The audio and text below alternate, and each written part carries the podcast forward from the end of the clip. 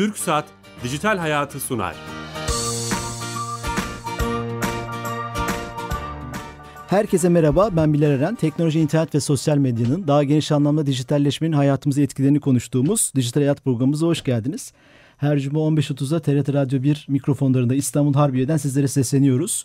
Bu hafta çok enteresan güzel bir konuyu konuşacağız. Daha doğrusu temelden alacağız belki de konuyu.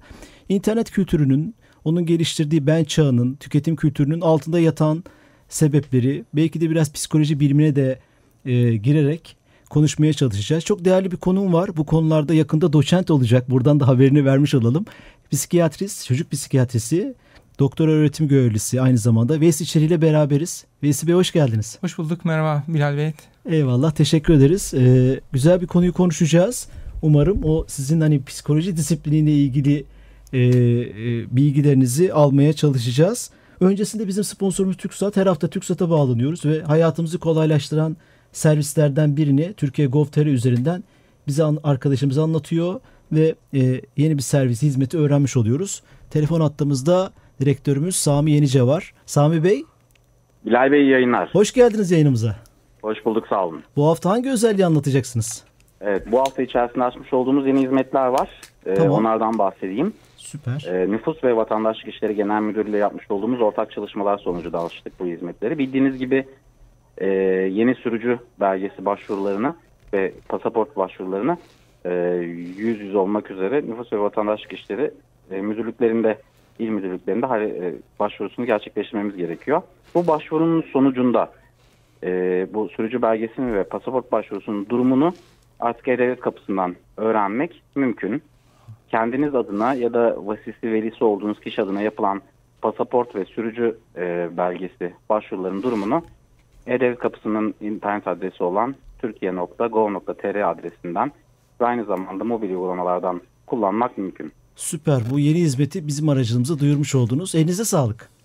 Teşekkürler. İyi yayınlar diliyorum. Tüm ekibe selamlar. Evet TürkSat'a bağlandık ve yeni bir hizmeti duyurmuş olduk. Türkiye Gov.tr çalışıyor.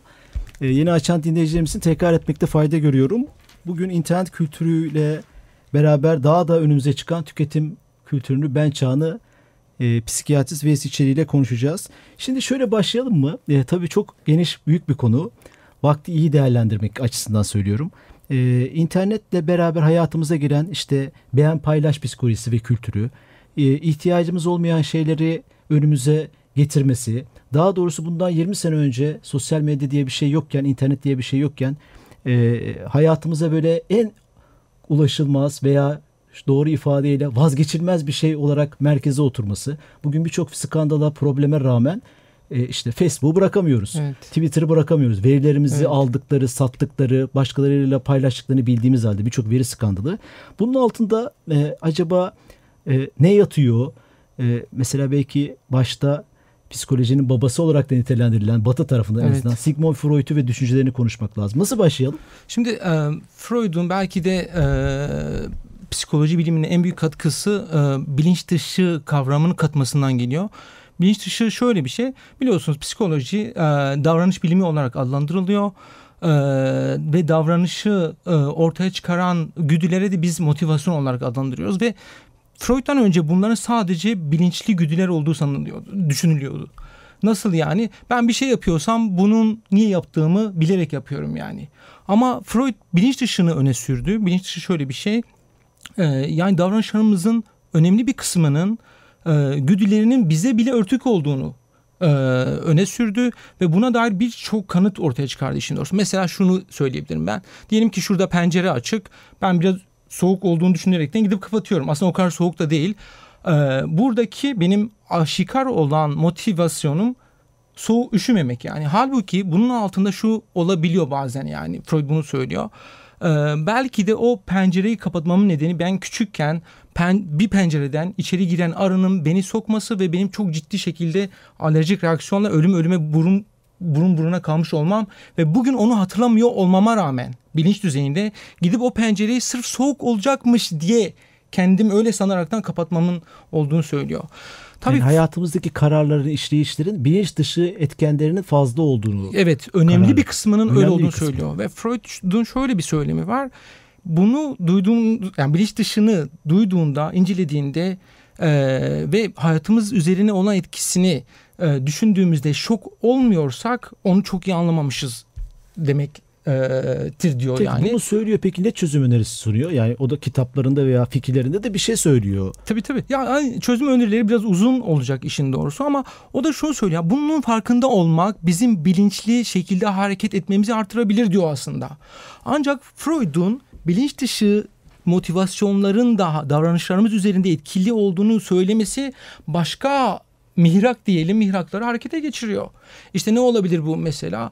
Bazı kitleleri e, kontrol etmek isteyen bazı güçler olabilir. Mesela reklamcılar olabilir, siyaset. pazarlamacılar olabilir, siyaset olabilir ve bunlar aa eğer ki insanların davranışlarının önemli bir kısmı kendilerinden örtük olarak, kendileri bilmeden başka motivasyonlarca şey yapılabiliyorsa bunu kontrol etmek de mümkün olabilir diyerekten ee, Kafa bu, yormaya. Evet, evet.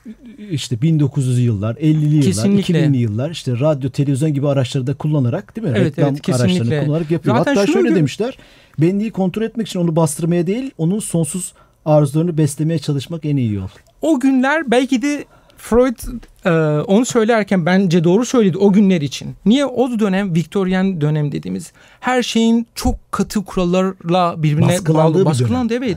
En temel arzularınız, en meşru arzularınızın bile toplum tarafından baskılandığı bir dönem ya da e, temel tüketim maddelerine ulaşmanın zor olduğu bundan dolayı mesela e, işte bizim dilimize hoş gelecek, tadı hoş gelen birçok şey insanların ulaşamadığı bir dönem. Batı için mi bunu yapmış yoksa tüm dünyayı okumaya çalışmış mı Sigmund Freud? O tabii ki yaşadığı çevrede. Viyana'da yaşamış, oradaki hastalarını muayene ederken orası yani özellikle. Tabii bakıyor, kesinlikle tabii o dönem o dönem o dönem e, takip ettiği hastaların da biraz e, hastalıklarına e, tabii etkilemiş sonuçta. Ee, tabii onun üzerinde daha çok batı kültürü etkili olmuş işin doğrusu ama insan insan yani her ne kadar kültürlerimiz birbirinden farklı olsa temel ihtiyaçlarımız bütün insanların aynı. Hepimiz insan olarak biriz e, işin doğrusu. İnsanların bu arzularını bastırmak yerine onları besleyelim tırnak içinde azdıralım. Evet aslında aslında tam da öyle olmuş işin ilginci. Onun kızı daha sonra e, Anna Freud e, onun e, teorilerini falan e, devam ettirmeye çalışmış. Daha doğrusu ileriye götürmeye çalışmış. Ve Freud'un bu az önce bahsettiğiniz insanların arzularını doyuralım e, şeyini bir deneyle e, sosyal bir deneyle yapmaya çalışmışlar. Nedir şöyle, deney? Şöyle bir deney ailelere diyorlar ki çocuklarınıza e, her istediğini yapın. Yani her istediğinizi yaparsanız ve e, o zaman baskılanmış olan hiçbir şey kalmaz ve e, insanlarda hiçbir psikiyatrik hastalık olmaz diye bir öngörüde bulunuyorlar. Kızı. Bun, e, evet kızı Anna Freud ve böyle bir deney gerçekleştiriyorlar. Yani bazı ailelere şey diyorlar yani çocuklarınız her dediğini yapın aman bir dediklerini iki etmeyin.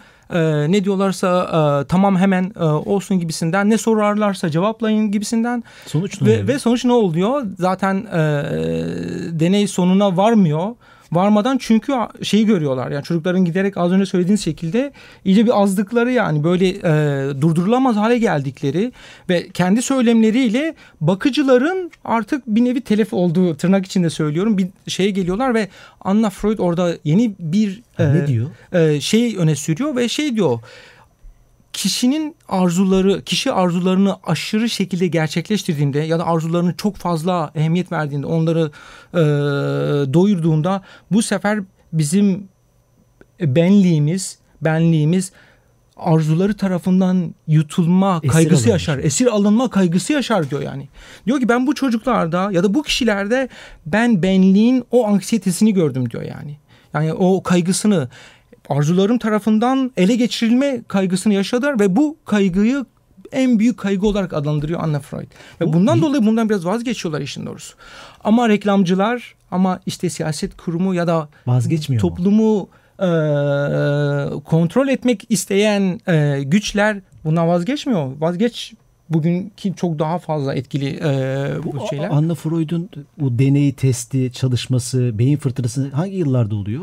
E, 1900 e, 50'ler 60'lar sanırım. Yani biraz biraz daha öncesinde. Biraz daha, biraz daha öncesinde olmalı. Tam ee, yılını bilmiyorum ama bu, bu önemli. Sonra o akademik çalışma veya işte beyin fırtınası çalışması aslında birileri tarafından sahip çıkılıyor ve e, tüketim toplumu diye tırnak evet. içinde söylediğimiz e, topluma Yeni, doğru evet. a, şirketler, siyasi kurumlar, topluluklar tarafından kullanıyor. Kesinlikle. Şöyle kullanılıyor. Şimdi Şöyle bir şey okumuştum. Lütfen sözünü Hı. unutmayın. Amerika'da yüzlerce psikoloji merkezi açılmış 1950'lerde 60'larda. Bu 2. Dünya Savaşı'ndan, Vietnam'dan sonra vesaire. Sırf bu konular üzerine çalışsın, mutsuzluğu vesaire bulunsun diye. Bununla ilintili olabilir mi? Ee, tabii yani e, işin doğrusu biraz bizim psikoloji e, disiplinine çok gerekli e, şeyi vermediğimizi düşünüyorum ben bizim toplumda, doğu toplumlarında. Ülkemizde. Evet yani ülkemizde de diğer doğu toplumlarında da. E, batı bu konuyu tabii sonradan daha fazla sahiplenmiş gibi psikoloji onlar için çok önemli. Mesela işte pazarlama psikolojisi olsun hemen hemen her alanda psikologlar tutuluyor. Mesela futbol takımlarında psikologlar oluyor şey oluyor. Ee, yani psikolojik gücü de e, bir görme Facebook'ta ve, 900 psikolog çalışıyor tam hmm, zamanlı. Yani düşünebiliyor musun? Facebook Bizim hangi şirketinde. şirketimizde kaç tane psikolog ya da psikiyatr çalışıyor yani ee, ve ki psikoloji bizim e, biyolojik tarafımızın, bedenimizin ayrılmaz bir parçası yani. Ve o da çok güçlü bir güç ve insanları e, etkilemek adına da çokça e, kullanılması gereken aslında bir e, alan. Ama maalesef bizim e, şirketlerimiz olsun, şeylerimiz olsun bunun çok farkında değil gibi. Ama reklamcılar her zaman ki bana sorarsanız bugün reklamcılar psikolojiyi birçok e, bizim alanımızdaki psikologdan, psikiyatrdan çok daha iyi biliyorlar gibi yani. Çünkü bu işe vakıf olmak onların işlerinde daha başarılı olmalarını sağlıyor diye düşünüyorum ben işin Toplumların doğrusu. ve kişilerin kendilerinden daha iyi tanıyacak adamlar diye tanımlıyorum. Tabii kontrol etmek istediğiniz toplumu daha iyi bilmeniz gerekiyor. Ee, şimdi şöyle bir şey yine e, o döneme gelirsek Freud'un bu tezi üzerine bilinç dışını e, öne sürmesinden sonra tabii e, işte bu toplum üzerine toplumu etkilemek isteyen mihrakların bazı dene gör şeyleri de oluyor işin doğrusu. Bunlardan e, önemli bir tanesi sigara yani. İlk sigara e, piyasaya sürüldüğünde çok kimse kullanmıyor. Erkekler içiyor sadece. Evet yani böyle çok da kullanılmıyor. E, evet erkekler daha çok başvuruyor ama kadınlar da toplumun yüzde ellisi. Onların içmemesi yani sonuçta bunların daha az para kazanması anlamına geliyor. Bu sefer e, daha önce erkeksilik üzerine e, yapılan reklamlar bu sefer kadınların da daha güçlü olmaları, kendilerini daha iyi hissetmelerini e, hissettiklerini gösteren reklamlara başvuruyorlar. Ve o kendini mutlu hissetme, iyi hissetme, güçlü hissetme e, ile sigara içmeyi birbiriyle ilişkiliymiş gibi reklamlar üzerinden ya da reklamlarda oynatılan figürler üzerinden göstererekten insanların sanki ha ben sigara içersem mutlu olurum mu e, güçlü olur evet özgür olur özgür olur mu? Kadınlar özellikle özgürlük özgür. üzerinden. Ki o dönem şeyi biliyorlar kadınların özgürleşme arzusunu bildiklerinden dolayı ikisini birbiriyle ilişkilendirip onu e, yapan da yeğeni galiba. evet Freud'un yeğeni e, o da e, reklamcılığın e, önemli isimlerinden birisi evet. E, o da o dönemlerde çok etkili olmuş. Allah affetsin diyelim. Çok ilginç evet. Yani bu tabi bunları anladığımız zaman konuştuğumuz zaman toplum olarak farkında olduğumuz zaman aslında günümüzdeki olanların olan şeylerin de daha böyle net görebiliyoruz. Kesinlikle. Çözüm önerilerini, çözüm yollarını, bu soruların çözümündeki e, yolları daha iyi bulabiliriz. Evet. Gelelim günümüze aslında güzel bir çerçeve ve fotoğraf çizdik. Bugün işte e, e, Facebook'ta sadece beğen tuşunun olması bir Freudyen yaklaşım mı? Ee, tabii psikolojik e, altyapısı var. Maslow'un e, bildiğiniz gibi e, ihtiyaçlar hiyerarşisi var. En altında fizyolojik ihtiyaçlar, yeme içme işte gibi ihtiyaçlar. Bir sonrasında bunun e, güvenlik hissi yani bizim en temel ihtiyacımız e, tok olma, ve e, fizyolojik ihtiyaçlarımızı giderme. İkincisi ise bunlar tamamlandıktan sonra bir sonraki güvende hissetme. E, herhangi başımıza bir şey gelmeyeceğinin farkında olma. Yarını e, ölüm korkusundan e, ondan Korkma, biraz azade evet, olma. Ya da yarını e, bugünden e, tahmin edebilme. Yarın böyle olacak diye bilebilme gibisinden. Bir, bir, bir tık üstü e, sevme sevilme ya da beğenme beğenilme olarak şey yapılıyor. Tam da burada sosyal medya burada işin içine giriyor. Yani e, aslında hepimizin bu beğenilme şeyi hep vardı. İlk zamanlardan beri vardı ama aç bir insanın o kadar da beğenilme şeyi yok yani işin doğrusu. Ee, ya da böyle temel güvenini sağlayamamış bir insan ya insanlar benim hakkımda ne düşünür ne yapar ne eder diye düşünme şeyi yok ama toplumumuz artık e, modern dünya e, fizyolojik ihtiyaçları ve güvenliği e, belli kısmen bir ölçüde sağladı. evet kısmen Geçmiş sağlamış durumda. Göre, tabii daha tabii tabii ona, vesaire. ona göre çok e, yani karşılaştırılmayacak ölçüde sağlamış durumda. Bu da tabii o e, Üçüncü şık hiyerarşinin üçüncü şıkkına Çok daha güzel. fazla bir yatırımın olmasını sağlıyor işin doğrusu. O yatırımda beğenme beğenilme. Bugün inanın Facebook'ta dediğiniz gibi o beğen tuşu olmasa belki de Facebook bu kadar ünlü olmayacaktı. İşte tam da burada onlar da bunu bildiklerinden dolayı özellikle bunun üzerinden gidiyorlar yani. Mesela bir post yapıyorsunuz gönderiyorsunuz on binler beğeniyor yüz binler beğeniyor. Normal hayatta böyle bir şey yok. Normal hayatta yani sizin çevrenizdeki insanlar en fazla aferin der. Artık onu da söylemiyoruz işin doğrusu yani. Ee, çok ilginç yani ve ve biz insanlar olarak böyle çalışıyoruz yani. Bizim pekiştiricimiz bu, yani. yani. Evet bu yani. Yani bir sonraki aç değilsem toksam güvenlik hissediyorsam insanlardan ya bu aferin bu doktor olmuş. Aferin bu iyi bir program yapıyor diye bir, bir şey bekliyoruz. Ama günlük hayatımızda kaç kişi bu- bize bunu söyleyebilir? Beğen tuşumuz da yok yani. Ee, ama burada bir post yapıyorsunuz. Şimdi az önce e, yani programın başında bir tweet şeyi attık. Şimdi like'lar gelince bilelim bilmeyelim. Yani bilinçli bilinç dışı şey oluruz yani. Oradaki like'lar bizim bir miktar öz saygımızı etkileyebiliyor yani. Ee, O da bizim o biraz önce bahsettiğiniz beni ben benliğimizi mi o, o arzumuzu mu okşuyor? ta, a- okşuyor. Şimdi şu denebilir. Tabii okşuyor kesinlikle. Ya, ya da öz saygımızı arttırıyor biraz. Ha ben demek ki iyi birisiyim. Ya, ya, ya da ben bir şeyler yapabiliyorum. Ben varım mı biraz e, okşayabiliyor. Şey diyebilirsiniz. Peki neden böyle ihtiyaçlara e, gereksinim duyuldu insan e, yaratılırken gi- gibisinden? O da şöyle yani eğer ki bizim başkaları tarafından beğenilme kaygımız olmasaydı topluluk olmazdı büyük ihtimalle. Herkes kendi başına takılırdı. Kimse kimseyle ilgilenmezdi. Ben niye başkasının işini yapayım, onun için e, güzel bir şeyler yapayım gibisinden e, birbirinden tamamen kopuk toplumlar olurdu işin doğrusu. E, yani bu bu da bir ihtiyaç ve toplumun devamı için de gerekli bir şey aslında. dinlerde de var zaten bu değil mi? Dinlerin tabii, öğretilerinde hepsinin bizim sonuçta dinimizde de var. Başkalarına, Başkalarına etme. yardım etmek, Evet, başkalarına evet, evet. Onlar için yaşamak hatta. Evet, evet, evet, evet, kardeşim demek. Evet kesinlikle yani e, aslında bunları yapmak bir yandan da bizim de ihtiyacımız yani. Yaptıkça da başkaları tarafından onaylanmış oluyoruz. E, işte Twitter olsun, e, Facebook olsun, e, daha sonra Instagram olsun hepsi aslında bunu e, belli bir ölçüde kullandı ve şunu düşünün e, e, milyonlarca insana ulaşabiliyorum artık ben.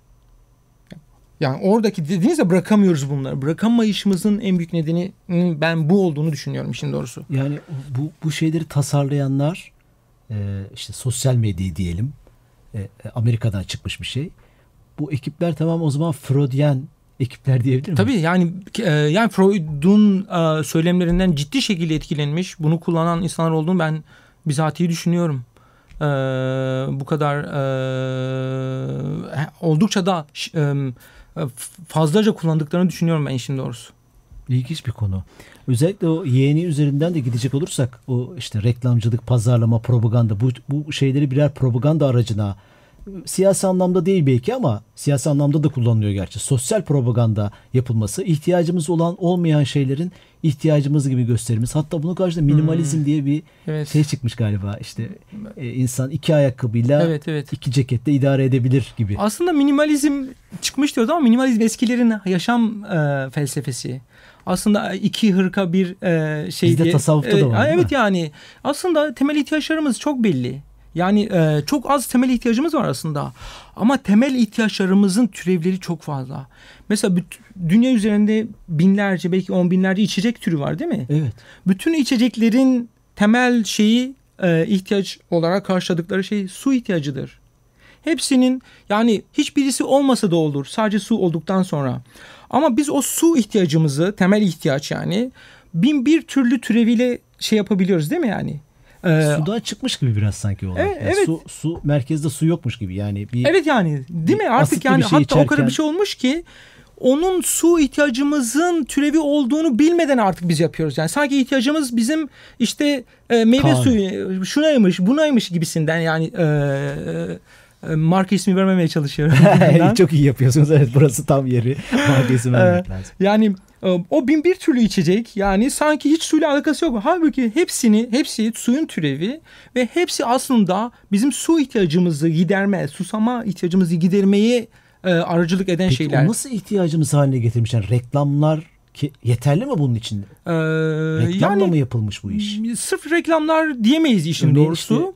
Ee, Asitli içecekler. değil evet, mi? evet. Ee, Çok içilen ve artık olmazsa olmaz gibi gelmiş. evet, evet, evet. Tabii onlar her saniye reklam yapıyorlar. Yani Hmm. bir dönemleri de yok. Evet, her aslında. kuşakta, Ya her yerde. reklamın mutlaka büyük bir etkisi var. Sürekli sürekli sürekli sürekli. Sürekli, Mesela diyelim ki A içeceği. Ya biz küçükken re- reklamı vardı ama sürekli var. Türkiye'nin en fazla satan içeceği halen var. Hatta Türkiye'nin en fazla satan içeceği iken daha fazla reklam yapıyor. Daha fazla yani yapıyor. geri adım attığı anda azalıyor da yani. Aslında bu bile sizin söylediğinizi aslında biraz kanıtlıyor yani. Reklamlar bunda çok ciddi etkili bir. İkincisi gördüklerimiz. Aa, orada bir arkadaşımı görüyorum. Biraz böyle hoşça bir arkadaş falan bakıyorum şu içeceği içiyor. Aa falan hani farkında olmadan aslında. Bilinç dışı. O derse gidiyorum çok karizmatik bir hocam var. Bakıyorum şey içiyor. Şu içeceği içiyor. Ya da şu yerden kahve içiyor. Aa ben de farkında olmadan bilinç dışı dedim ya o bilinç dışı motivasyonlar hemen şeye giriyor. Onu onunla özdeşleştiriyor. Ben de ona benzemek adına gidip onu içiyorum. Aslında o içeceği içerken temel ihtiyacım su benim. Bir yandan suyu karşılıyorum. Bir yandan da ona benzeme ya da karizmatik olma ihtiyacımı da bir yandan karşılamış oluyorum gibi. Aslında yine minimalizme gelirsek şuna da geliyoruz. Ya hani dedik ya minimalizm. Aslında temel ihtiyaçlarımız belli yani. Yeme bir tane 3 2 3 tane elbisemiz olsa yeter ama her birimizin gardırobu artık sığmayacak kadar elbiselerle dolu. Ayakkabı mesela. Maksimum maksimum 3 ayakkabısı olsun. Bir tanesi spor ayakkabı eğer amatör spor yapıyorsak böyle hemen hemen her gün. Bir tane yazlık bir tane kışlık. Ama inanın e, birçok arkadaşımızın e, birçoğumuzun yani Düzinelerce. e, evet yani düzinelerce ayakkabısı var. Orada duruyor yani. Bir kısmını hiç giymiyoruz yani. Kendimden bir şey söylüyorum. İnanın bazen böyle biraz mutsuz hissediyorum. Kendimi AVM'lerde buluyorum yani. Bilmiyorum niye yani. Birden kendimi bir alışveriş merkezi içinde kafa buluyorum yoran yani. birisi olarak. Evet yani hakikaten. Farkında olduğunuz Evet. halde. Yani e, farkında olup kendini çekmedikçe maalesef bu reklamların ya da sürekli sürekli önümüze çıkarılan şeylerin Bir de reklam ilginç bir şey var. Zorunda değil. Artık internetle beraber bizim kim olduğumuzu daha iyi daha iyi bilen şirketler var. Hmm. Ee, işte bizi bu psikoloji bilimini de kullanarak onlar üzerinden veri setleri yaparak Evet. işte kırmızıyı sevenler, yeşili sevenler, Evet. akşam acılı sevenler, sabah portakal suyu içenler gibi o paylaşımlarımızdan o, reklam şirketleri onu satarak tam da hedefli. Belki hatta bir yerde o bir skandal da ortaya çıkmış. Sizi sizden daha iyi tanıyoruz aslında biz. Aslında Facebook'un öyle bir şey vardı ya. e, işte e, Facebook paylaşımlarından hangi partiye oy vereceklerini biz yüzde 90 kaç e, %85 %85 e, ihtimalle do- doğru olarak saptayabiliyoruz yani. Çok büyük bir şey yani. E, dediğiniz gibi ben e, geçenlerde Twitter'da e, bir takipçimin e, profilinde görmüştüm. Şey diyordu. İşte birisine bakmak için e, kayıt olduğum sitenin kölesi oldum. Bu sitenin kölesi oldum gibisinden. Aslında bizler de yani sanayi dediğimiz ya da şirketler dediğimiz, sermaye dediğimiz insan üretimi. Bizim ürünümüz yani. Bizler onları ürettik yani. Bugün geldikleri konum itibariyle bizleri artık bir nevi kontrol eden yani bizi bizler onların kölesi olmuşuz gibi bir e, konumdalar yani bizim üstümüzde bir konum aldıklarını Çok tehlikeli kesinlikle söyleyeyim. Evet yani ve çok tehlikeli. Aslında öncelerden sürekli bazı e, bilim Aslında kurgu filmlerinde şey vardı. geçebiliriz. Biz ne yapmalıyız? Ee, şunu bitireyim hemen. Bilim kurgu filmi vardı. Ee, işte sanki insanın ürettiği bir robot ya da bir şeyler insanı ele geçiriyormuş gibi. Aslında bunu yaşıyoruz aslında. Ama o kadar aşikar değil, örtük şekilde. Ve şöyle yeni e, bu bu sermaye artık bizim ihtiyaçlarımız sonuçta ihtiyaçlarımız belli. Bunları sata- satmak için şeyler belli. Yeni yeni ihtiyaçlar üretme yoluna gitmeye başladılar. Mesela ulaşılmaz bir güzellik. Yani işte Photoshop'lu, şunlu, bunlu bir sürü güzel e, modeller sürekli e, piyasaya sürülüyor, sürekli şey yapılıyor. Güzel yüzler, yüzler vücutlar. evet ve insanlar öyle güzelleşmek adına ve bu imkansız bir şey sürekli güzelleşmek adına e, milyar dolarlar harcıyorlar yani. Ee, Müthiş güzel sektörler çıkıyor. müthiş evet yani çok güzel bir gelişme oldu e, geçen yıl mesela mesela Fransa e, reklamlarda e, modellerin e, photoshoplu olmasını yasak getirdi. Aslında ne kadar güzel bir şey. Yani günümüzde yeni hastalıklar türüyor artık yani. İşte beden dismorfik bozukluk dediğimiz işte bir türlü bedenini beğenmeme durumu olabiliyor. Bundan dolayı defalarca estetik ameliyat Bıçak e, giden insanlar oluyor yani. Bunlar mutlaka bu bizim şeyden etkilenen e, bu reklamlardan etkilenen insanlar Peki bir bundan, miktar diye bundan şikayet edici e- e- ediyoruz. Bu fotoğrafı görmek, farkında olmak önemli. Evet. Batı'nın ne yaptığı, böyle bir Batı düşmanlığı olarak söylemiyorum bunu ama bunun farkında olmak buradan çıkıyor bu sonuç. Doğu veya bizler Veya bu konudan şikayetçi olan Batı Doğu ayrım, Hı hı. ay, Hayır, ayrımı Batı'da yapmadı. çok evet. Bütün in- insanlık ne yapmalı? Bence e, ya Freud'a döneceğiz çöz- biraz. Psikoloji bizmi çözümlere odaklanır mı? E, tabii ki. Kesinlikle. ne öneriyorsunuz bir Kesinlikle. Ben olarak? bir psikiyatrist olarak biraz daha e, global bir sorun olarak kabul ettiğimizde Evet, evet. bunu. Bilinçli farkındalığımızı arttırmayı ben e, Abi farkındayım diyorsun AVM'den çıkamıyorum. Ama diyorsun. işte mesela o farkına vardığım anda mesela benim şöyle bir kodlamam var. Bir şey alır alacağım vakit ba- bakıyorum çok beğeniyorum. Aa çok güzel almam lazım diye bir gün aa çok da ucuz. indirimde falan ihtiyacım var mı yok mu sorusunu sormak. Benim buna ihtiyacım var mı yok mu diye sormak bence bilinçli ayağının Evet yani, evet. Ha, biraz onu yapmak gerekiyor maalesef. Yoksa dediğiniz gibi otomatik reflekslerimizle çalı- e, yaşayan varlıklar olma ihtimalimiz giderek artıyor maalesef günden güne. Çünkü e, özellikle de son zamanlarda telefonlara da inen sosyal medya ya da benzeri mecralar artık bizim sözde bilinçli uyanık olduğumuz anların büyük çoğunluğunu e, kaplar oldu yani. Evet uyanığız ama bilinçli miyiz gün boyunca e, soru işareti. Evet bir nevi kuşatıldık yani artık sürekli sürekli sürekli her an e, ya kendim için de söyleyeyim bunu başka yani iğneyi e, başkalarına batırmak e, gibi değil yani. E, kendim de sabah uyandığımda ilk yaptığım iş maalesef telefona bakmak oluyor yani. Maalesef Zombi bir şey filmlerinde e, istemsiz dolaşan tipler Öyle var ya maalesef korku karakterleri. kesinlikle aynen giden bu gibi yani aslında Telefon- aslında bazı Telefonlar elimizde sanki o karakterler. aslında sinemacılar yani o o dönemin sinemacıları be- belki de farkında olmadan işte bilinç dışı tam olarak da bu insanoğlunun nereye sürüklendiğini o filmlerle göstermeye çalıştılar. Giderek gider giderek bilinçli olmayan şekilde davranan, bilinçli olduğunu sanaraktan bilinçsiz davranan e, kitlelere dönüşüyoruz maalesef. Tüm dünyada bu böyle. Bunun çaresi ne olabilir? Biraz daha akrabalık, dostluk e, ilişkilerini arttırmak ki bu da en büyük ihtiyaçlarımızdan birisi. Daha yeni bir yayın yayınlandı. Dünyanın en uzun e, süreli takip yayını e, Oxford'dandı diye hatırlıyorum. Harvard'da olabilir. Karıştırıyorum çünkü ikisini sürekli. E, 80 küsür yıllık bir e, takip çalışması. İnsanlar için, insanların sağlığı için en önemli şey güzel ve iyi insan ilişkilerinin olması olarak şey yapılmış. 80 yıl boyunca insanları takip etmişler. Aa, çok uzun Ömürleri içinde araştırma. evet tabii tabii yani Ee, en önemli en iyi şey para pul şu bu değil yani temel ihtiyaçların ötesinde ki en önemli şey iyi dostlara sahip olmak ee, güzel insan ilişkilere sahip olmak diye e, şey yapılıyor Evet, bunu bir psikiyatrist söylüyor. Önemsemeliyiz ve bu konuları daha çok konuşmalıyız. Farkında Kesinlikle olarak. kesinlikle kesinlikle. Bir şey önerelim, bir belgesel önerelim mi? Ee, bu konuda herkesin izlemesi gereken, Ee, evet, bu konuları kapsayan. Century of Self, e, Türkçesi ben, Ben çağı. Ben Çağı, evet Ben Çağı'nı ben önerebilirim. O eski bir belgesel ama oldukça güzel ve bu konuları en temelinden işleyen bir belgesel. Ben herkesin izlemesini tavsiye İnternette ederim. var, ücretsiz. Evet, Bütün kesinlikle. mecralarda bulabilirsiniz. Evet, 4 bölümlük Türkçe Evet. altyazısı da var. evet Bir aynen. BBC'de çalışan Edim Curtis bir Evet, gazeteci evet, evet, yapmış. evet. Çok Bütün kaliteli. bu e, konuştuklarımızı orada özetliyor. 40'ar 40'ar dakikadan dizi filmi gibi izleyebilirsiniz. Herkese öneriyoruz. Herkese bilinçli farkındalıklar. teşekkür Biliyorum. Çok teşekkür ederiz. Ben teşekkür Konuğumuz ederim. oldunuz. Vaktimiz bitti maalesef. Şeref verdiniz. Psikiyatrist Ben Veys teşekkür İçeri ile beraberdik. Ben çağını, Sigmund Freud'u bugünü anlamak için o güne gitmemiz gerektiğini konuştuk. E, Bu yayının tekrarı bu gece 04.25'te pazar akşamı da YouTube kanalımıza yayında olacak. Haftaya yeni konu ve konuklarla görüşmek üzere. İyi hafta sonları. Hoşçakalın.